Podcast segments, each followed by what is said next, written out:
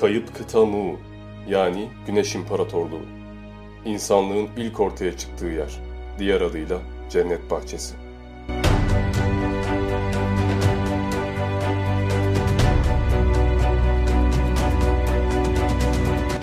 İki video sürecek olan bu seride Mu kıtası ve Batık kıta efsaneleriyle alakalı saklı kalan her şeyi öğreneceksiniz.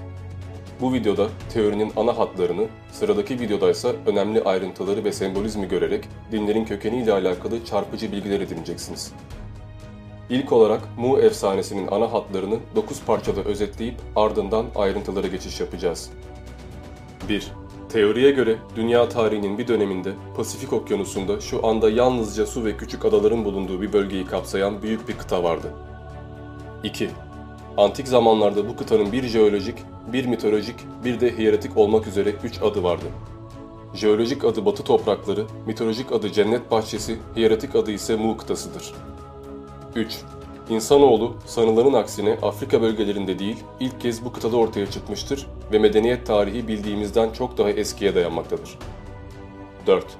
Yeryüzündeki bütün medeniyetler, örneğin Antik Mısır, Hindistan, Mayalar ve Uygurlar, geçmişte Mu kıtasındaki insanların kurduğu yerleşik kolonilerdir ve günümüzdeki birçok dini anlatım ve sembol de esasen Mu kıtasından gelmektedir. 5. Antik dinler ve kutsal kitaplar bu kıtanın dininden esinlenilerek ortaya atılmıştır. 6. Bu kıtanın dinine göre şeytan ve cehennem bir uydurmadır. İnsanlar sürekli reenkarnasyon geçirerek ruhlarını evrimleştirmek ve tanrılaşmak için yaratılmışlardır. Tekrar tekrar enkarne olarak farklı hayatlar yaşayarak tecrübe kazanacak ve zamanla evrenin tekilliğine karışacaklardır. Çünkü Tanrı herkeste ve her şeydedir. Kısacası bu kıtanın dini spiritüalizmdir ve sonradan ortaya çıkan tasavvuf gibi birçok akım ile uzak doğunun mistik dinleri bu öğretiyi halen daha yaşatmaktadırlar. 7. Cennetten kovulma ve yasak elmayı yiyen Adem ile Havva hikayesi semavi dinlerin anlattığından çok daha farklıdır ve insan bu dünyaya günahlı olarak gelmemiştir. Dolayısıyla bir sınava tabi tutulmayacaktır. İnsanın mutlak amacı her enkarnesinde ruhani evrimini devam ettirerek sonunda Tanrı ile birleşmektir ve her insan dünyaya gelmeden önce kendi kaderini seçmektedir. Böylece yaşanmak istenilen sıkıntılar yaşanacak ve her etap tamamlandığında ruh daha da evrimleşmiş olacak ve çekilen her acı tıpkı asketizm felsefesinde olduğu gibi sizi daha da erdemli kılacaktır. 8.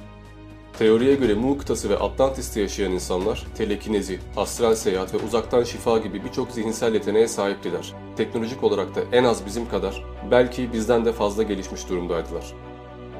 9. Mu kıtası ya doğal afetler sonucu ya da atom bombası gibi silahlarla büyük bir patlama sonucu kendi sonunu getirmiş ve sular altında kalmıştır. Bu patlama sayesinde Pasifik Okyanusu'nun suları taşmış ve Nuh tufanını yaratmıştır. Bu tufandan sağ kalabilen insanlar yeniden medeniyet kurmaya çalışırken Mu kıtasını ve Mu'daki efsaneleri unutmamış ve dinlerine yerleştirmiştir. Bu yüzden dünyadaki bütün milletlerde Adem ve Havva gibi, Nuh tufanı gibi ortak efsaneler bulunmaktadır. Bunun sebebi tüm efsanelerin tek bir kökenden geliyor olmasıdır. Nuh tufanı ile alakalı zaten bir video paylaşmıştık. Farklı mitolojilerde bu felaketin nasıl aktarıldığını daha ayrıntılı bir şekilde öğrenmek için izleyebilirsiniz. Teoriyi ana hatlarıyla özetlediğimize göre artık daha da derinlere inebiliriz. Bu kıta ve dini ile alakalı en önemli bulgular 10 bin ila 15 bin yıl öncesine dayandığı düşünülen Nakal tabletleridir ve James Churchward'ın kendi yazdığı bu tabletlerin tercümesine dayanan 4 kitaptır. Bu kitaplara göre Mu kıtası yaklaşık 15 bin yıl önce 64 milyonluk nüfusuyla sular altında kalmış ve yer altındaki gaz odalarının patlamasıyla yok olmuş bir imparatorluktur. Antarktika'dan iki kat büyük olduğu düşünülen ve insanlığın ilk var olduğu yer olarak tanımlanan Mu kıtası, aynı zamanda bütün din, sembol ve efsanelerin de ilk görüldüğü yerdir. Dünyada şu an bulunabilen her sembol, tablet, mitolojik inanç ve kayıtlar esasen Mu'ya dayanmaktadır. Buna Sümer tabletleri ve Anunnaki efsaneleri de dahildir. Bir İngiliz albayı olan James Churchward'ın Hindistan'da tanıştığı Rishiler tarafından yönlendirilmesi sonucu Hindikuş ve Tibet dağlarında bulduğu yüzlerce tabletin çevresine dayanarak ortaya sürdüğü bu Mu konusu bir komple teorisi gibi görünse de esasen çok ciddi bir konudur. Efsanenin bilimsel açıdan geçerli olup olmadığı sorusunu ikinci videoda işleyeceğimiz için burada herhangi bir eleştiri yapmadan sadece teorinin içeriğini sunmaya çalışacağız ve bu kıta gerçekte var olmuş olsa da olmasa da bu kıtanın var olduğuna dair efsanelerin ne kadar ciddi boyutlarda ezoterizme ve okültizme girdiğini göstermeye çalışacağız. James Churchward hemen hemen 50 yıl boyunca Mu kıtasını araştırmış ve dünyanın her yerinden örnekler toplamıştır. Bu çalışmalar süresince 168 belgeye ve kil tablete ulaşmış ve Mu'yu gündeme taşımıştır. Nagamaya dilinde yazılmış olan bu tabletlerin yanı sıra Augustus Le Plagno'nun bulguları ve nörolog ve arkeolog olan Dr. William Niven tarafından Meksika'da bulunan ve yine Nagamaya dilinde yazılmış olan 2600 küsür tablet de Churchward'ın teorisini desteklemektedir. Mu kıtasını destekleyen antik kaynaklardan bazılarını örnek vermek gerekirse, Truano el yazmaları, Paskalya adası tabletleri, Hint ve Maya kayıtları, Tibet'teki Lhasa kayıtları ve Codex Cortesianus gibi birçok örnek verebiliriz. Tabletlere göre Mu kıtası kuzeyden güneye 8000, doğudan batıya 3000 kilometrelik bir bölgeyi kapsar. Üç kara parçasından oluşur ve çevresinde de Endonezya, Polinezya, Juan Fernandez ve Paskalya adaları gibi bir takım adalar vardır. Ki bu adaların da hepsinde Mu'ya dair kanıtlar bulunmuştur. Daha doğrusu bulunan tünel, tapınak ve heykelle sembollerin Mu ile ilişkili olduğu düşünülmektedir. Çünkü semboller tablettekilerin aynısıdır. Mısır, Hint, Maya, Aztek gibi imparatorlukların Mu'nun bir uzantısı ve kolonisi olduğu fikri, Türklerin kökeniyle ilgili derin araştırmalar yapan Mustafa Kemal Atatürk'ü bile meraklandırmıştır. Öyle ki 1930'larda Tahsin Maya Tepeki bu konuyu incelemesi ve daha derin araştırma yapması için Meksika'ya göndermiştir. Ve Atatürk, Churchward'ın yazdığı 4 kitabı da Türkiye'ye getirtip 60 kişilik bir heyet tarafından tercüme ettirmiştir. Bu kitaplar Atatürk'ün ölümünden sonra önce Türk Dil Kurumu arşivine, oradan da Anıtkabir kitaplığına alınmıştır. Kitapların kitaplık numaraları sırasıyla 199, 200, 1301 ve 1302'dir ve aynı zamanda araştırmayı açıktır. Atatürk'ün güneş dil teorisi kapsamında Tahsin Maya Tepek, Maya dilinde ve diğer antik dillerde Türkçe ile bağlantılar kurmaya çalışıyordu. Benzer kelimeleri saptayarak Türkçenin ne kadar eskiye gittiğini öğrenmeye çalışan Maya Tepek, Mu tabletlerinin tercümelerinden ortaya çıkan kelimelerin çoğunun Türkçedekiyle aynı olduğunu fark etti ve hatta tepe anlamına gelen tepek kelimesini de soy ismi olarak seçti. Yıllar boyunca Atatürk Mu ile ilgili çalışmaları yakından takip etmiştir. Hatta bu teori Atatürk'ün öyle ilgisini çekmiştir ki James Churchward'ı tanışmak için Türkiye'ye bile davet etmiştir. Fakat 80'li yaşlarda olduğu için Churchward böyle bir yolculuğu kaldıramayacağını düşünerek reddetmek zorunda kalmıştır. Bu arada tabii ki şunu da söylemeliyiz. Bu teorinin Atatürk'ün bile ilgisini çekmiş olması bu kıtanın gerçekten var olduğu anlamına gelmiyor. Sadece Atatürk'ün ne kadar geniş bir vizyona sahip olduğunu gösteriyor. Mu dininin esası Tanrı'nın tek oluşuna, ruhun ölümsüzlüğüne ve ruhsal gelişim için sürekli doğmak inanışına dayalıydı. Yani şimdiki karma ve reenkarnasyon tipi inançların da atasıydı. Günümüzde bilinebilen en eski din olduğu için diğer dinlerin de buradan beslenmiş olması pek de şaşılacak bir şey değildir. Zaten eğer şu anki bütün millet ve medeniyetler zamanında bu imparatorluğun bir uzantısı idiyseler, bu, kültür ve geleneklerinin de buradan gelmiş olduğu ve zamanla değişime uğramış olduğu anlamına gelir. Ayrıca Turan Dursun, Din Bu serisinin ikinci kitabında Tahsim Ayatepek'in 14. raporuna dayanarak İslamiyet'te ve daha birçok dinde bulunan ve aynı şekilde uygulanan ritüellerin esasen Mu kıtasından gelmiş olabileceğini söylemiştir. Mu dini, Tanrı'yı yaşamın sembolü olan güneş ile sembolize etmekteydi. Çünkü güneşi hem akılda kalması kolay hem de Tanrı'ya yakıştırılabilecek en uygun sembol olarak görmüşlerdi. Güneşe de Ra ismini vermişlerdi ve Mu'ya Güneş İmparatorluğu denilmekteydi. Ra daha sonra Mısır ve Maya dillerinde de aynı anlamda kullanılmıştır. Buna örnek olarak Mısır güneş tanrısı Ra'yı gösterebiliriz. Bunun yanında spiritüalistlerin kullandığı Ra Bilgileri adlı 4 ciltlik bir kitap serisi vardır. Bu kitaplar hipnozu ve geçmiş yaşamları konu alırlar. Kitap, özünde celse deneyleri yapan bir grup insanın evrendeki bir takım üst boyut varlıklarıyla iletişim kurmasını ve bu ruh çağırma tarzı seanslarla bizim bilemediğimiz gerçekleri öğrenmesini konu alır. Ra bilgileri gibi, Sadıklar Planı gibi daha birçok spiritüalist kitapta da Mu kıtasının gerçek olduğu ve dinlerin esasen Sirius yıldızından geldiğini söyleyen anlatımlar vardır. Hem tabletlere hem de spiritüalist kaynaklara göre Mu medeniyetindeki insanlar astral seyahat, telekinezi ve telepati gibi birçok zihinsel yeteneğe sahiptiler. Öyle ki teknolojik olarak da gelişmiş durumdaydılar. Günümüzden binlerce yıl önce dünyamızda bu kadar ileri bir medeniyetin oluşabilmesine sebep olarak da Mu kıtasını kuran insanların az önce söylediğimiz gibi Sirius yıldızından yani başka bir gezegenden buraya geldiği ve belki de Homo sapiens türünü yani bizleri yaratmış olduğu fikri gösterilir. Buna da antik astronot teorisi denir ki onunla alakalı da video gelecek.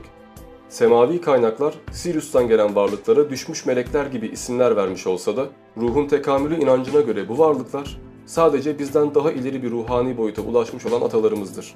Zaten mitoloji serisindeki videolarda bu gibi konulara değinmiştik. Düşmüş meleklerle ve Sirius'la alakalı hazırlamış olduğumuz videoların linkini açıklama kısmında bulabilirsiniz. İlginçtir ki 20. yüzyılın başları hem Mu teorisinin hem de spiritüalizmin yükselişe geçtiği dönemlerdir. Bu da bize iki kapı açmaktadır. Birincisi, Mu teorisi o kadar ilgi çekmiş ve dini algıyı değiştirmiştir ki insanlar dünya üzerindeki ilk dine geri dönmeyi amaçlayarak spiritüalizme kaymaya başlamış ve bu inanç popülerite kazanmıştır. Ki gerçekten de son yüzyılda spiritüalizm dini çok büyük bir nüfus kazanmıştır ve hemen hemen her filmde ve dizide spiritüalizmden bazı örnekler gösterilmektedir. İkincisi, spiritüalist öğretiyi yaymak isteyen bir takım kitleler ki kimilerine göre bunlar Rothschild ve Rockefeller gibi ailelerdir, Mu ve Atlantis gibi bazı teorileri de misyonlarına alet ederek tek dünya düzeni amacına hizmet edecek yeni bir teori ortaya sunmuşlardır. Ki Mu sembolizmi ve felsefesi de Masonluğun tek dünya düzeni ile tamamen aynıdır. Tek dünya düzeni diyoruz çünkü Mu kıtasına göre bütün dünya tek bir kıta tarafından yönetiliyordu ve herkesin dini aynıydı. Mu İmparatorluğu üç kara parçasından oluşuyor olsa da bütün dünya tek bir kıtanın yönetimi altındaydı. Mu'da imparatorluğun kralı olan kişi aynı zamanda yaşayan en bilge rahip olmak zorundaydı. Yani bu kişiyi hem papa hem de kral olarak düşünebilirsiniz. Kaynaklarda bu kişiye güneşin oğlu anlamına gelen Ramu denilmektedir. Ramu, Tanrı'nın yeryüzündeki temsilcisi sıfatıyla görev yapar ve halk tarafından seçilerek başa getirilirdi. Tanrı'yı temsil eden kişi görevinin Mısır'a bozularak yansıması ve firavunların kendilerini Tanrı'nın mesajcısı yerine direkt olarak Tanrı ilan etmeleri de dikkat çekici bir olaydır.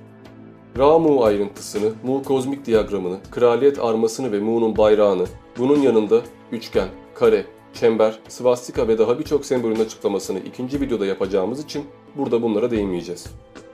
Mu kıtasında bilim ve din işleri Nakaller denilen bir zümre tarafından yürütülmekteydi ki bulunan tabletlere de Nakal tabletleri denmiştir. Nakaller dini ve bilimsel açıdan birçok donanıma sahip kişilerdi.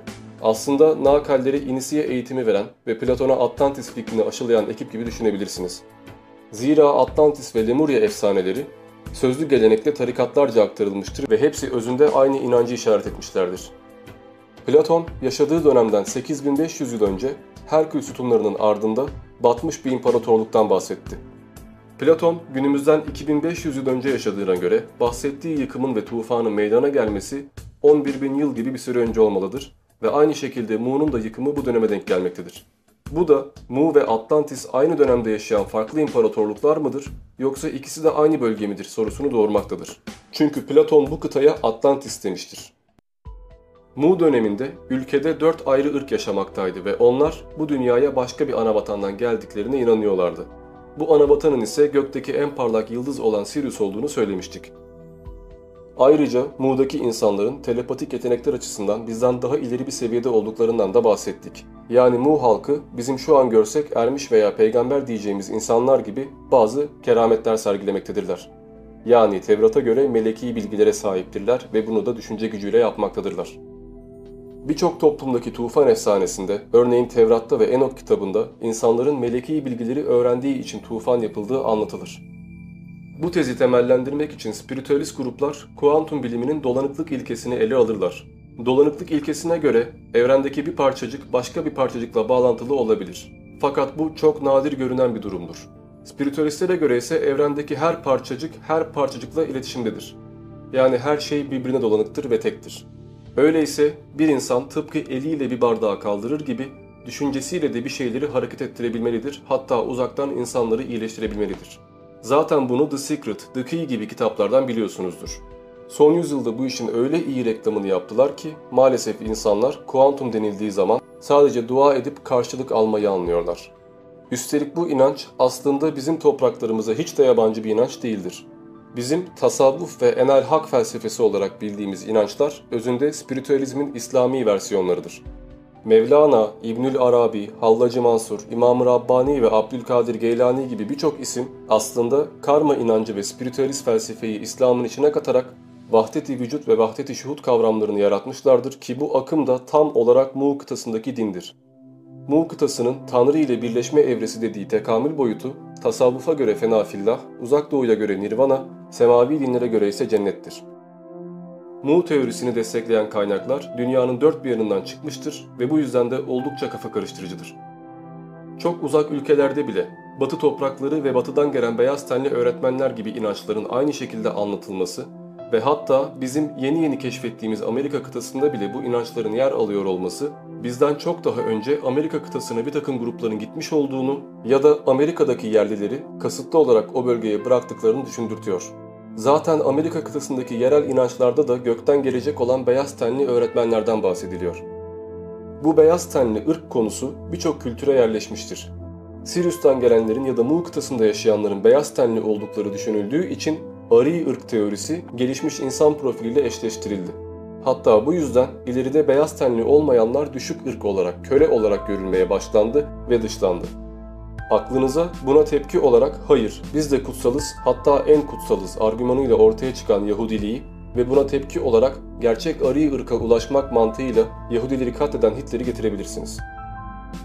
Kutsal kitaplarda meleklerle insanların cinsel ilişkiye girmelerinden doğan, mucizeler gerçekleştirebilen Nefilim adlı beyaz tenli bir ırkın doğduğundan bahsedilir. Ki bu da muhtemelen Sirius'tan gelenler ile insanların ilişkiye girmesini sembolize etmektedir.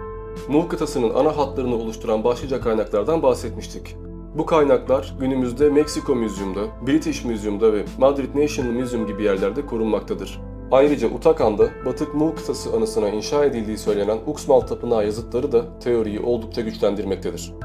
İddiaya göre bu yazıtlarda geldiğimiz yer olan Batan Batı uygarlığı anısına inşa edilmiştir yazmaktadır. Ve bu mantıkla birçok kavimde tapınaklar inşa edilmiştir. Bu tapınakların en yaygın olanı ise piramitlerdir. Bilindiği üzere piramit inşa etmek sadece Mısır'a ait bir olay değildir. Dünyanın dört bir yanında piramit inşa ettiren medeniyetler vardır çünkü fikir aynıdır. Dipten en uca, gittikçe sivrilen ve sonunda tamamlanan mükemmel bir ruhani gelişim sembolü. Fakat bu bile suistimale uğramış ve komple teorisyenleri tarafından kirletilmiş bir konudur. Örneğin piramit olduğu iddia edilen Beyaz Piramit gibi birçok yapı esasen kurgan, zigurat veya tepeciktirler. Erich von Däniken gibi birçok yazarın hiçbir dayanağı olmadan gördükleri her çıkıntıya piramit demeleri yüzünden bu gibi ayrıntılar gözden kaçmış ya da ciddiye alınmamıştır. Her ne kadar burada bir efsaneyi ele alıyor olsak da kaynakları doğru belirtmekte fayda var. Churchward 50 yıl boyunca kaynak toplama amacıyla neredeyse bütün dünyayı dolaştı. Gittiği yerler arasında Karolin Adaları, Güney Pasifik'in tüm adaları, Orta Asya, Mısır ve Sibirya, Avustralya, Polinezya, Amerika Birleşik Devletleri ve Orta Amerika gibi birçok önemli bölge vardı. Churchward bu bölgelerde arkeolojik bulgular ve başka tabletlere kadar teorisini kanıtlayan birçok kayıt topladı ve bunları dört kitabıyla yayınladı. Bu kitaplarda mitolojilerden ortak efsanelere, bu kıtasıyla alakalı jeolojik bulgulara, tabletlerin tercümelerine ve sembolizm açıklamalarına kadar birçok ayrıntı vardır. Burada en dikkati çeken konu ise nereye giderseniz gidin Adem ve Havva gibi, Adam ve Eve gibi, Edim ve Eva gibi aynı hikayeleri neredeyse aynı isimlerle bulabiliyor olmanızdır. Aynı hikayelerin ve ritüellerin farklı toplumlarda aynı şekilde aktarılmış olması esasen bu hikayelerin tek bir yerden geldiği fikrini de güçlendiriyor. Devam videosunda bunları belki de kimsenin yapmadığı kadar sistematik bir şekilde sunacağız. Sanırım şimdilik en azından Mu kıtası ve Atlantis gibi batık kıta efsaneleriyle alakalı yeterince bilgi verdik. Daha fazla bilgiye ulaşmak isterseniz ayrıntılı araştırma yapmak için blogumda sunmuş olduğum Mu kıtası başlıklı makalemi okuyabilirsiniz. Onun da linkini açıklama kısmına bıraktım. Hem bu videonun hem de mitoloji serisinin devamı gelecek ama şimdilik bu kadar. Ben Diamond, görüşmek üzere.